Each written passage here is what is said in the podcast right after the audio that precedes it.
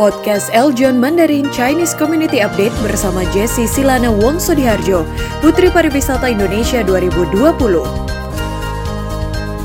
Podcast ini dipersembahkan oleh Eljon Media dan disponsori oleh tabloid mingguan Eljon Mandarin, pertama dan satu-satunya tabloid full berbahasa Mandarin.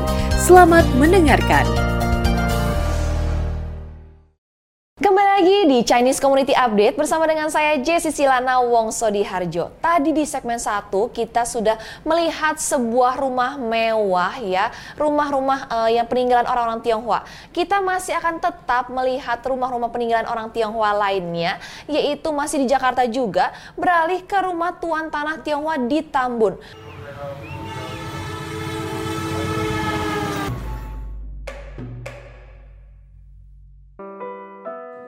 Halo, uh, saya sekarang lagi berada di gedung tinggi atau gedung juang di daerah Kabupaten Bekasi.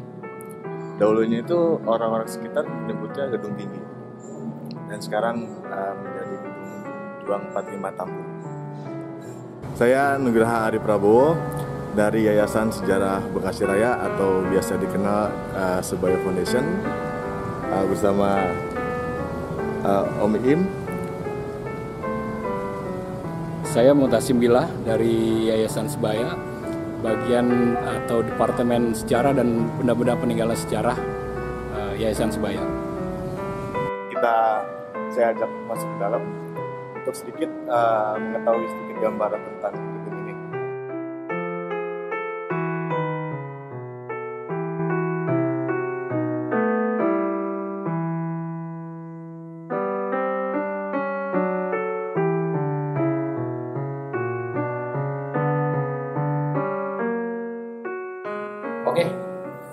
nanti kita naik ke lantai dua. Ada apa uh, yang bisa kita ambil atau cerita apa yang pernah terjadi di lantai dua? Mari.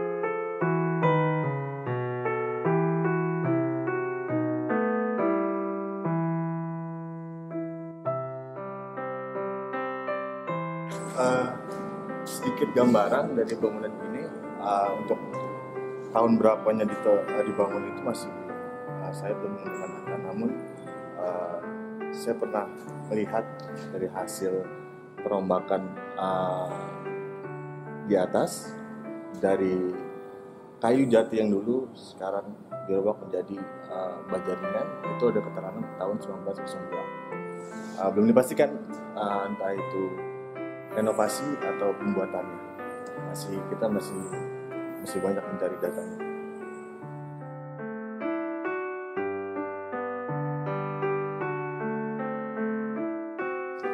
Uh, mengenai gaya bangunan dari gedung Juang ini, oh ini yang merupakan jenis bangunan peralihan antara New Empire Style menuju Indo eh, Indo European Style.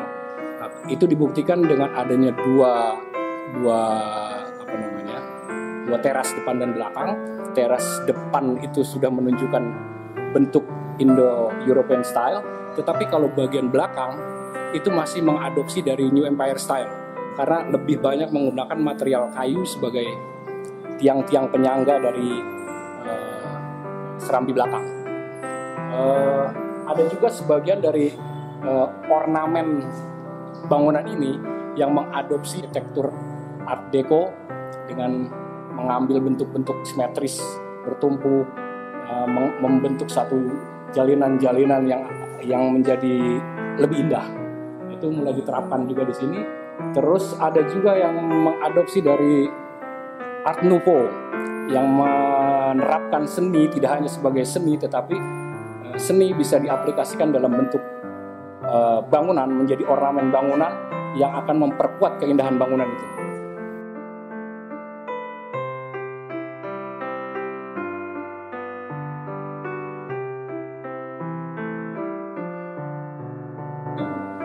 Doorman itu cahaya masuk sampai ke bawah. Jadi emang konsepnya bangunan bangunan bangunan tropik kan memanfaatkan alam.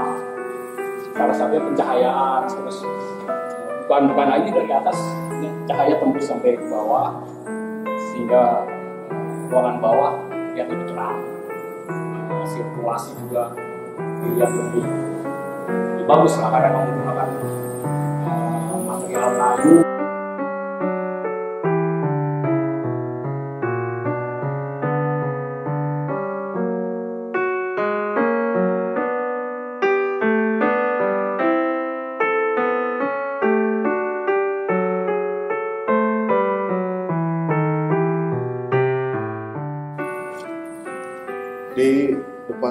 Sudah ada salah satu uh, brankas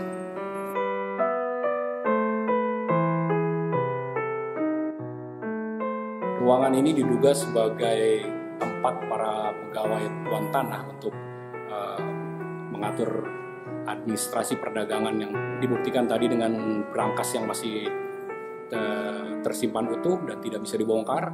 Ruangan berikut ya, diduga kuat sebagai ruangan tempat orang yang bertanggung jawab atas bisnis parkir atau tuan tanah yang ada di gedung ini.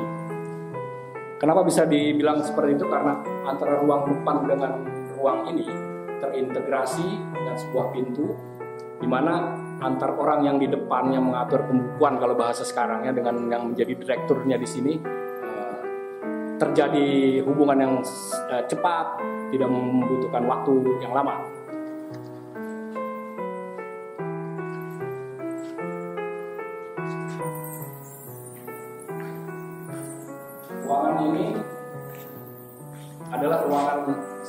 Belakang lantai dua, lantai atas yang terhubung dengan ruang direktur dan ruang administrasi tadi. di sini masih di Serambi. Kita coba arah ke sana. Di sana uh, kita sudah melihat uh, jalur rel kereta yang sudah beroperasi dari tahun 1986. Jadi kalau kalau kita duduk di Serambi sini, kita bisa menghadap ke sana ke jalur kereta api dan sana ada stasiun Tambun.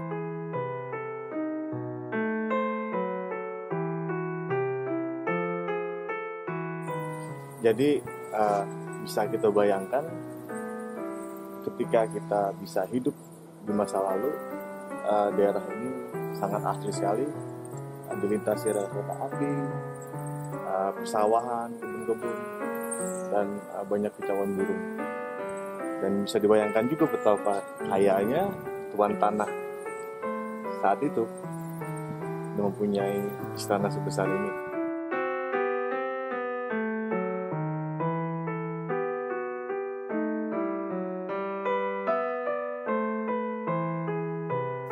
Bisa dibayangkan pada tahun-tahun atau akhir abad 19 kondisi para petani atau buruh yang bekerja pada tuan tanah dengan upah yang sangat minim. Sementara tuan tanah mempunyai hak yang istimewa hak hak gendom terus pembayaran untuk pengangkutan yang dilakukan oleh para petani ke gudang-gudang yang dimiliki oleh tuan tanah dengan pembayaran yang semena-mena. Keindahan-keindahan ini keindahan atau keluasan tanah yang dimiliki oleh tuan tanah itu akhirnya ternodai dengan perilaku mereka yang menjadikan penduduk yang berada di wilayahnya adalah bagian yang dimiliki oleh mereka sehingga mereka menjadi semena-mena untuk memperlakukan petani yang berada di wilayah.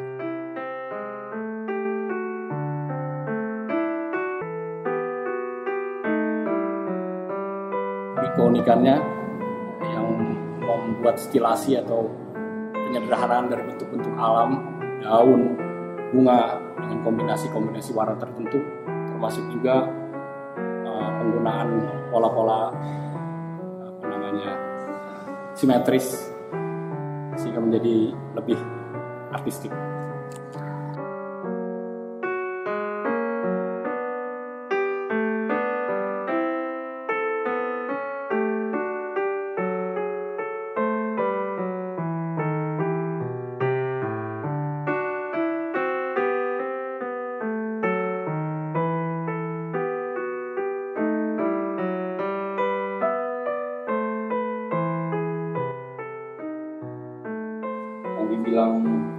Bawah tanah itu masuknya dari sini. Cuma kita nggak pernah tahu aslinya karena belum pernah masuk. Cuma berdasarkan cerita-cerita orang tua bahwa di bawah ini ada satu ruang besar. Tangga masuknya dari sini dugaan kuat sebagai tempat penyimpanan barang-barang berharga dari tuan tanah keluarga kau di sini. Tapi ada juga rumor yang berkembang di masyarakat bahwa dari ruangan ini ada jalan-jalan atau lorong yang tembus ke stasiun stasiun. Itu masih dalam hanya dugaan-dugaan hanya sudah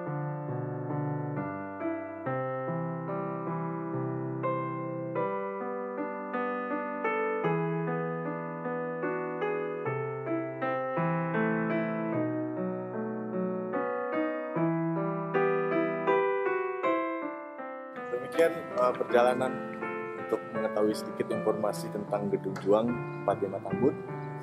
Uh, harapan ke depan kita dari Sebaya Foundation untuk pemerintah mungkin hal yang lebih uh, dekat lagi dengan para penggiat sejarah dan lebih peduli lagi terhadap bangunan-bangunan cara budaya. Karena di Bekasi sendiri uh, termasuk sangat langka untuk objek heritage bagaimana anak cucu kita nanti bisa menikmati semua itu tanpa dibangun dari sekarang.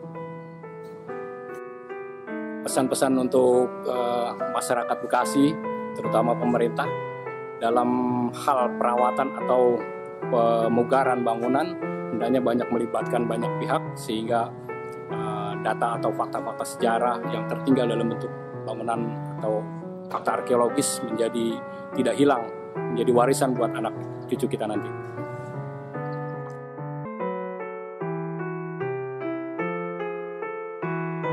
Para sobat Eljon, bagaimana tadi sudah melihat rumah mayor yang uh, mewah dan megah. Kita juga sudah melihat rumah tuan tanah di Indonesia yang masih kental dengan budaya Tionghoanya. Tapi kita juga masih akan melihat satu rumah lagi yang nggak kalah mewah dan nggak kalah megahnya. Nah ini dia yaitu ada rumah Chong Afi di kota Medan yang begitu megah dan kental dengan budaya akulturasi budaya Indonesia dan juga Tionghoa.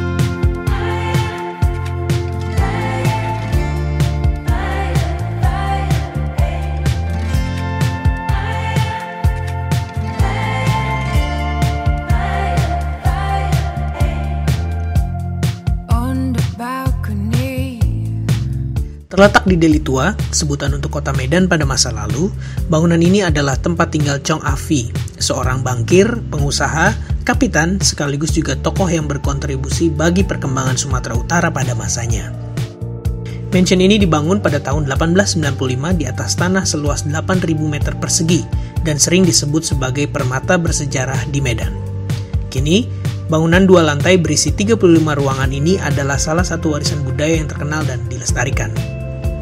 Dengan tiket masuk seharga Rp35.000, kita bisa berkeliling dan menikmati koleksi-koleksi indah di mansion ini, sekaligus melihat perpaduan pengaruh Tionghoa, Melayu, dan Art Deco dalam gaya arsitekturnya. Jadi teman-teman, Mayor Chong Afi ini ternyata juga selain menjadi kepala atau pemimpin dari komunitas Tionghoa atau China di Medan pada tahunnya, tapi beliau juga berkontribusi terhadap beberapa hal nih teman-teman salah satunya terhadap perkembangan dunia perbankan bukan hanya di Medan tapi juga di Sumatera Utara karena beliau salah satu dari pendiri dan pemilik saham dari Bank Kesawan dan Bank Batavia yang waktu itu menjadi bank yang penting dalam menggerakkan ekonomi masyarakat di Medan. Oke teman-teman sekarang kita ada di ruang tengah. Kalau tadi ruang depannya aja udah keren banget, sekarang kita masuk ke area yang lebih keren lagi namanya ruang tengah yang disebut juga dengan Walls to Heaven. Jadi arsitekturnya mirip banget dengan mansion yang ada di Pineng yang aku pernah datengin sama Oci. Ini adalah center atau tempat di mana semua orang bisa kumpul. Jadi dinding-dindingnya, jendela-jendelanya semua di sini dibuka dan menghadap ke atas, menggambarkan betapa indahnya kita bisa mandang langit dan pasti waktu itu semua orang bisa kumpul di sini santai-santai asik banget sih seperti yang teman-teman lihat dari cermin di belakang aku ini betapa bahkan lantai duanya pun nggak kalah indah nggak kalah cantik detailnya dari lantai pertama lantai dasar bahkan di sini kita bisa lihat percampuran budaya dari segi penataan furniture dan lain sebagainya antara budaya Melayu, budaya Art Deco atau budaya Barat dengan budaya peranakan atau Tionghoa. Dan pastinya ini bikin suasananya waktu itu pasti keren banget di sini, nyaman, tenang, adem dan semuanya menyatu. Sangat-sangat bagus penataannya dan aku pun yang ngelihat ini langsung ngebayangin dulu pasti lebih keren lagi dan jadi trendsetter sih kayaknya waktu itu ya. Kalau dari dasarnya ini kayu sih teman-teman dan kayaknya sih sebagian besar masih kayu yang asli yang lama. Tapi ada beberapa bagian yang sudah rusak. Ya iya wajar ya karena ini bangunan selesai tahun 1900 jadi sudah berapa tuh usianya? Banyak banget. Salah satu pedoman hidup Chong Afi adalah There on earth where I stand, I hold the sky. Atau bisa dibilang, di mana bumi dipijak, di situ langit dijunjung. Artinya kita harus menghormati dan menghargai budaya masyarakat di mana kita tinggal.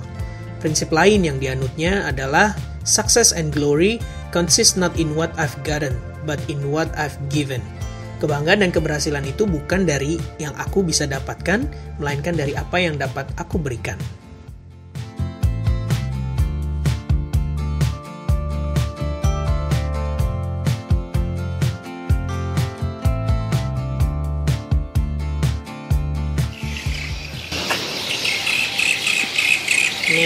Area sampingnya kayak tempat jemuran deh. Kita turun lagi deh. Widih, ada alat pengurus badan zaman dulu nih. Keren. Wow. Tinggal duduk, digoyang-goyangin mesinnya dan mendadak kurus. Wow. Radio zaman dulu, satelit 2000. Gile. Keren banget, gede banget. Wow. Palangnya aja masih yang kayak dulu, yang kayak di film-film Cina. Ih, gembok ini. Ini gembok waktu aku kecil, yang aku pakai gembok ini di rumahnya. Wow, keren. Dapur aja lebih gede daripada kamar aku sama Oci. Ini kayaknya buat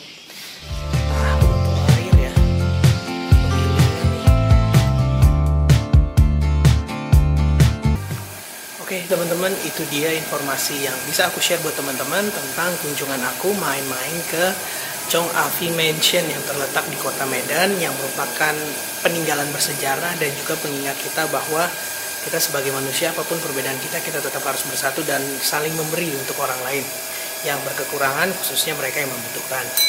Makasih untuk teman-teman yang udah nyaksikan vlog ini. Semoga informasinya bermanfaat. Sampai ketemu di vlog berikut pas. Jangan lupa share terus hal positif buat sekeliling kita. Untuk keluar unik nih teman-teman. Jadi disisain pintu keluar yang ini pintu utamanya, tapi disisain lubang kecil kayak gini untuk kita keluar. Oke. Dan kita keluar. Bagaimana para sobat Eljon tadi sudah melihat ada rumah-rumah dari Chandranaya, lalu ada rumah Tuan Tanah di Tambun, lalu ada juga rumah Chong Afi. Kalian paling suka rumah yang mana nih para sobat Eljon? Nah oleh karena itu pastinya para sobat Eljon akan selalu tertarik sekali dengan budaya Tionghoa Indonesia. Maka dari itu kita akan selalu menyajikan juga berita-berita komunitas seputar uh, perkumpulan warga Tionghoa Indonesia juga. Oleh karena itu tonton terus ya setiap hari Chinese Community Update bersama dengan saya saya Jessi Silana Wongso Diharjo. Sampai ketemu di lain waktu. Bye-bye. Sahabat Eljon, baru saja Anda menonton program Chinese Community Update dari Eljon TV. Kirimkan kegiatan Anda di daerah yang akan dipublikasi. Silahkan kirim foto, narasi, atau video ke email mandarin.eljon@gmail.com. Kegiatan dan foto atau video yang lolos seleksi oleh tim redaksi Eljon TV akan kami tayangkan di program Chinese Community Update akan datang. Sahabat Eljon, sampai bertemu besok di jam yang sama dalam program Chinese Community Update.